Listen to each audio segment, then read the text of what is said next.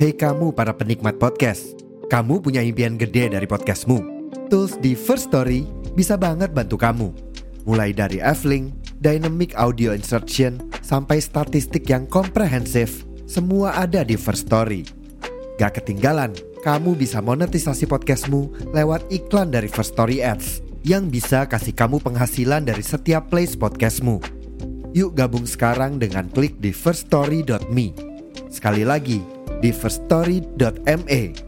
Mari kita bawa mimpi podcastingmu menjadi kenyataan.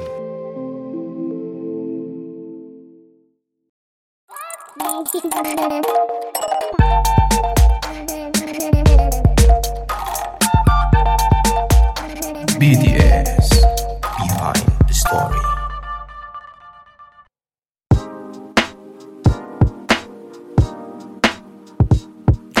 Halo selamat malam semuanya. Kembali lagi di podcast Roadcast lagi. Untuk kali ini aku bakal, bakal bahas profesi lagi buat eh, pendengar baru. Bisa langsung di follow dulu dan, dan jangan lupa dikasih bintang 5 Podcast ini bakal membahas tentang ya pemikiran anak-anak muda dan profesi-profesi tertentu lah. Pokoknya aku orangnya kepoan gitu. Nah sudah ada di balik mikrofon nih teman baruku. Halo selamat malam. Halo, selamat malam Mas.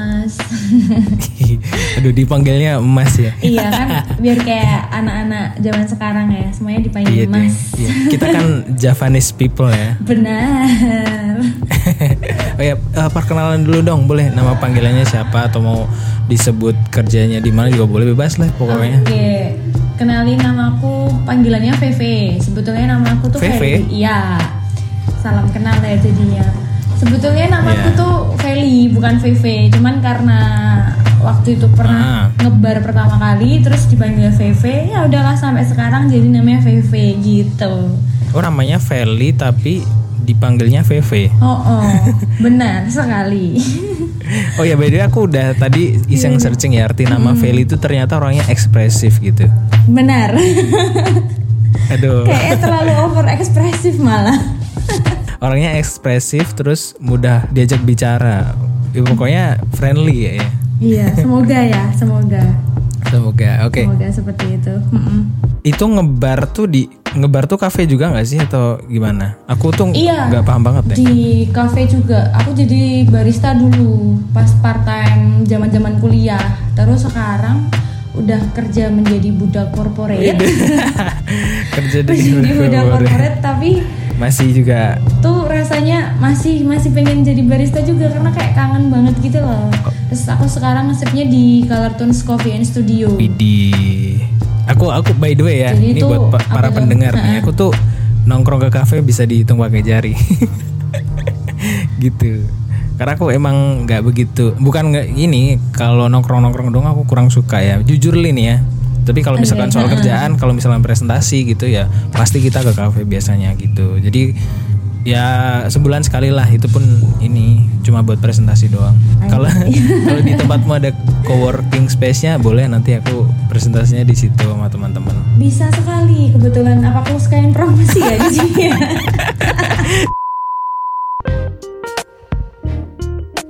Jadi teman-teman, kita malam ini mau bahas nih dunia perbaristaan karena aku tuh juga kepo juga. Mungkin kalian juga selama ini yang suka nongkrong, lihat barista tapi eh, nggak tahu gimana sih rasanya jadi barista. Terus kerjanya itu ngapain doang? Apa cuma bikin kopi doang? Apa gimana ya kan?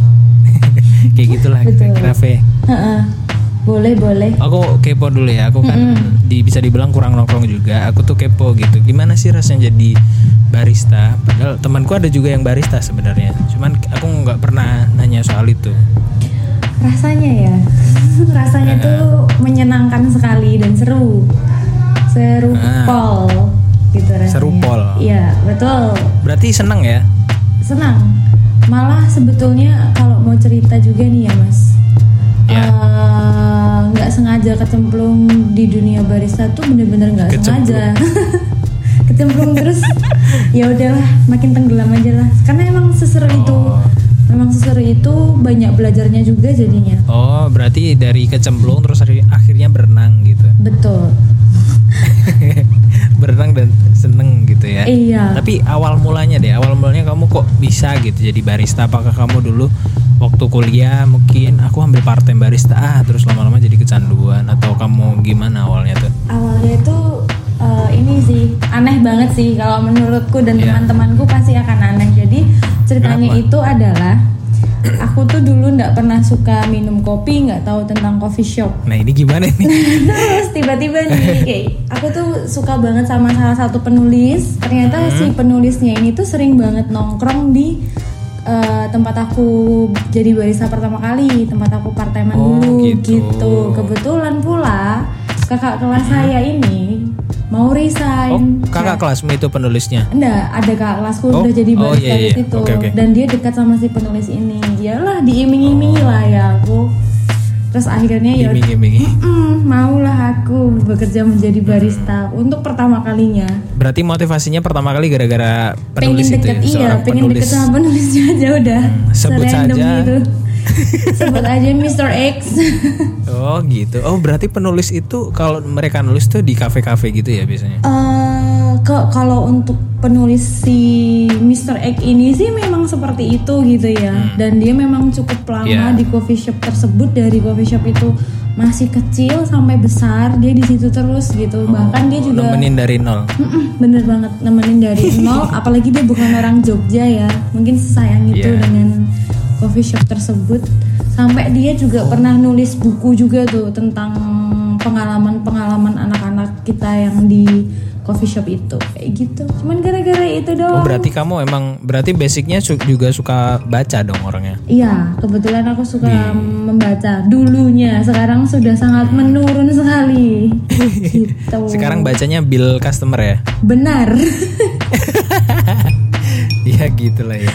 Eh, ini berarti apa ya? Berarti di situ nggak ada live musiknya juga dong, karena kan penulis aja di situ kan. Berarti kalau penulis itu biasanya butuhnya yang Tenang. yang tenang-tenang, bisa kayak buat nugas gitu-gitu ya. Kebetulan udah ada di situ. Cuman kalau di Oh, oke. tempat aku yang nge-shift sekarang yang di Color Dance Mm-hmm. Coffee and Studio itu beberapa kali tuh memang sering ada event kayak gitu loh. Oh ya, iya. karena di sini juga basicnya ada musisi-musisi ya kadang eventnya ada Wih. tentang musik-musik lah, tentang Musisi lokal ya. Benar, betul sekali. Dan kebetulan juga di coffee shopnya sini tuh kalau misal mau les nyanyi, les musik tuh bisa banget gitu. Oh jamming gitu boleh. Boleh, boleh banget. Gitu. Wah, aku ini by the way ya, ini out of the topik kita ya guys. aku dulu zaman kuliah suka banget jamming-jamming gitu. Dulu aku jammingnya di alun-alun utara itu di Pendopo Lawas itu dulu ada temanku main di situ. Terus ya waktu Triswaka ya udah naik sih, tapi abis aku jamming-jamming biasanya Triswaka tampil gitu jam 9-an biasanya dia. Biasanya kalau gabut gitu sih guys aku. Gabutnya bermutu ya. Soalnya ya seru aja gitu bantuin temanku gitu. Aku mau gitarin satu dua lagu dong gitu. Benar. Ya berarti memang cocok main ke Carlton sih. Nanti tolong di browsing ya tempatnya. Boleh nanti ditaruh deskripsi ten- tenang aja teman-teman nanti langsung Pokoknya kepoin aja kafenya benar, dari Pasti Feli senang, pasti senang di situ karena itu hidden game. Widih. Widi. Nah itu tuh yang disenangin sama anak-anak skena tuh ya kan. Benar, baru mau ngomong juga. Ada kerikilnya nggak? Oh, ada. kerikilnya kafe. Jelas ada. Ada kerikil, ada kafe, ada kaktusnya. Oh, kalau kaktus kita ndak ada. Tapi ada tato kecilnya nggak itu? Oh, itu kupu-kupu ndak sih? Tato kupu-kupu juga ya? Tapi by the way aku abis ini bakal bahas ini anak-anak skena juga sih sama temanku nanti boleh didengerin ya teman-teman buat kalian baru dengar juga. Siapa tahu ya kan. Dia mau dengerin. Oke. Terus aku ini kan tadi udah kamu awal mulanya berawal dari ya, seorang penulis akhirnya terus kamu ah aku coba deh jadi barista meskipun nggak suka kopi ya awalnya ya. Iya, sama sekali nggak suka kopi, nggak pernah nongkrong pula di coffee shop. Terus ini eh, aku kan pernah dengar ya dari temanku ternyata belajar bikin kopi itu susah banget gitu. Bisa sampai setahun gitu. Kadang ada kopi itu treatmentnya beda-beda. Ntar harus suhunya harus gini, misalkan kelebihan jadi nggak enak, terlalu dingin jadi kurang enak gimana kayak gitu. Bener gak sih? Bener sih, setuju ju- setuju banget sih itu. Karena kan kita kalau bekerja itu yang dijual kualitasnya ya. Mempertahankan suatu coffee shop tuh menurutku. Cuman ya memang buat belajar itu ya bertahap apalagi kalau memang dari nol kayak aku dulu nih kalau apa eh, sharing-sharing aja ya Mas ya. Kalau aku Iya, dulu boleh, tuh nggak tahu sih kalau yang sekarang sama yang sekarang udah beda atau gimana. Cuman kalau yang aku dulu bener-bener tuh berapa bulan ya tiga bulan atau empat bulan aku benar-benar cuman nge-serverin ngafalin menu harus cari tahu tentang kopi itu apa sama sekali nggak boleh pegang mesin udah kayak gitu Selama tiga bulan itu kayak gitu. selama tiga bulan lebih bahkan nama-nama gelas terus fungsinya apa segala macam itu harus dihafalin kayak gitu-gitu Oh, baru gitu dulu. Kayak Iya. mag- itu tapi kayak magang nggak sih atau kamu itu udah, udah gaji part time full? udah gaji part time bener-bener udah gaji part time kayak gitu Tapi ilmunya bertahap lah ya. iya ilmunya bertahap bener-bener bertahap kayak ya kita harus tahu lah mau jadi barista masa nggak punya senjata sih? Gitu kan.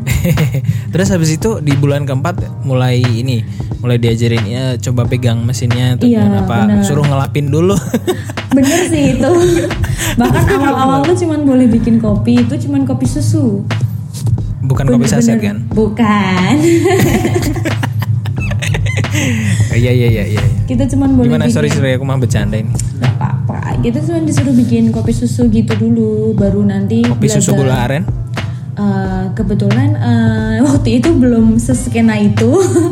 Jadi gula aren waktu itu susu tidak tidak terlalu apa ya tidak terlalu hype di masa itu. Masih yang pakai flavor flavor doang sih kayak vanilla Oh, lah hazelnut kayak gitu kita aku cuman baru disuruh bikin itu doang dulu. Kopi pertamaku di kafe nih ya. Kopi pertamaku di kafe itu susu gula aren sebenarnya. terus Dan langsung enak. puyeng nggak minumnya biasanya kan langsung pada puyeng nggak bisa tidur gitu ya Enggak. kan Tapi lucunya tuh nggak aku aduk. Ih ini kopi kok kayak gini. Ternyata di bawahnya kan ada gula arennya itu kan ya. Oh, iya, Terus oh harus diaduk dulu. Nggak ngerti aing. gitu. Sama ini aku suka yang ini apa, yang digambar-gambar itu apa namanya? Oh ini ya kayak ada cappuccino atau Iya, kayak gitu-gitu. Uh-uh, Latte, kopi-kopi apa sih? Latte nggak sih? Iya tapi yang panas ya. Hmm, yang panas. Wah, banget itu sumpah. Oke, terus tadi mulai belajar apa ngelap-ngelap dulu. Terus pemahaman soal kopi itu gimana? Siapa yang ngajarin? Misal ah, ini jenis kopi kan beda-beda ya, banyak banget ya. Oh, oh, kalau aku dulu tuh sistemnya karena dulu di sana itu aku paling kecil di tempat aku bekerja dulu pas part time itu aku yang paling kecil sendiri. Yang lainnya kan udah pada besar-besar tuh, udah pada gede-gede, udah pada senior pula. Apanya? Umurnya atau apa? Umurnya, umurnya. Oh, umurnya dan juga pengalamannya kirain kamu nih. jadi part time waktu TK gitu. Tidak. Gak lucu. Iya, iya, iya. itu tiap hari dikasih PR kayak disuruh nyari espresso itu apa dari mana terus jenis-jenis espresso itu apa aja kayak gitu-gitu jadi tiap hari setiap kali nge-shift nanti di- Ah. kayak orang tebak-tebakan Berarti kayak ada kuis dadakan gitu ya di benar benar coffee Tapi- shop gitu. iya tapi itu bener-bener bikin belajar banget karena kan membaca ya perkembangan kopi kan banyak banget ya mas ya nggak cuma Waduh. Bisa berubah-ubah gitu Kamu pernah nonton film AADC 2 gak sih? kebetulan sih nggak menonton Aduh. itu tuh ada scene di mana apa namanya baristanya tuh dia ngejelasin oh ini kopi tuh kayak gini mas gini gini gini gitu gitu tuh. ya mungkin eh, kalau misalkan kamu ditanya mungkin kayak gitu ya harus bisa jelasin kayak gitu lah ya kurang lebih Iya dong, benar. Bagi kok nanti ada customer yang nanyain pengen kopi yang Oh, ini begini kopi begini. apa ya, Mbak, ya? iya, Gitu masih ya? kita nggak bisa jawab. Kayak ah wah aku nggak tahu aku apa ini gitu. cuma bikin doang kan tidak mungkin ya seperti itu. iya iya terus eh, itu kan setelah mengalami tahap itu ya ibaratnya kita udah anggap aja selesai nih kamu baca-baca artikel terus habis itu eh, mulai bikin kopi itu di bulan keberapa kalau barista pada umumnya Kalau untuk pada umumnya itu sebetulnya tergantung SOP coffee shopnya sendiri ya mas ya. Cuma Oh, kamu kalau gitu jangan Hmm, pada kalau umumnya. hmm, kalau aku dulu itu baru bisa yang namanya kalibrasi itu pun masih dibimbing pun itu masuk ke bulan keempat bulan empat akhir-akhir kayak gitulah Bulan empat akhir akhir. Mm-mm, bulan seingat aku sih bulan 4 yang eh, akhir-akhir pokoknya itu bener-bener Iya iya. udah dilepas buat belajar kalibrasi terus harus ngapain aja kopinya rasanya harus gimana bahkan ngelate aja dulu belajarnya sampai tangannya kapalan karena Kok bisa? karena kan nggak mungkin ya kita belajar pakai susu gitu loh pakai susu masa iya langsung pakai susu jadi kita dulu belajarnya ini pakai sabun kita kasih air dingin kita belajar floating Oh, kayak bisa gitu. olah-olah itu susu. Benar, seolah-olah itu susu. Belajarnya sampai segitunya harus Ya bener-bener panasnya sesuai lah, kayak gitu-gitu. Nah itu yang kau omongin tadi kan. lah seberapa kayak gitu-gitu dulu sampai tangannya kapalan Itu sa- sampai tangan kapalan tuh karena megang gelas apa karena kamu megang semen apa? enggak dong habis nguli Iya, kok siapa tahu nyambi nyemen di situ kan tahu. Sambil bantu renovasi kan nggak tahu ya. enggak Iya, sih kita gimana? kan belajar namanya floating tuh yang buat gambar-gambar itu loh mas Iya, oh itu namanya floating. gitu kan itu pegang jaknya kan eh, latihan terus-terusan terus-terusan kayak gitu biar bisa cepat gambar gitu? kayak gitu-gitu tapi ya itu mendidik banget sih nanti kalau misalnya Oh, emang iya. baru apa namanya udah lumayan oke nih baru biasanya nyobanya pakai susu beneran kayak gitu Oh, kan nggak mungkin nanti kita jadi mabuk susu ya kalau tiap latihan pakai susu ya aduh iya. Mabuk sabun aja lah ya. iya benar dibanding mabuk susu Iya, iya, iya. Oke, oke, oke. Kayak gitu kalau masa ya pas masa aku sih seperti itu Mulai baca eh mulai belajar pengetahuan kopi itu di bulan keempat itu ya. Hmm, Bulan keempat terus ya bulan empat akhir eh, udah menjelang uas lah ya itu. iya Udah tapi menjelang bener tapi bener banget pertama kali masuk di coffee shop itu tuh pas lagi semester semester awal baru ngerasain uas dan rame jadi kayak pusing Iya. ya Aduh ada uas, ada harus belajar kopi juga di Bener. kerjaan gitu Nah, ya. dan kebetulan juga di coffee shopku yang waktu dulu itu itu tuh banyak Hmm? bulenya jadi kayak yang hah makin Oh. pusing ya kan tau sendiri bule kalau apa mereka selesai belajar singgah istirahat nanti sore balik lagi ke coffee shop itu kan kayak gitu terus tau rutinitasnya Bahasa Inggris tapi kamu harus bisa bahasa Inggris berarti. iya tapi kemarin nggak yang Bisa dong.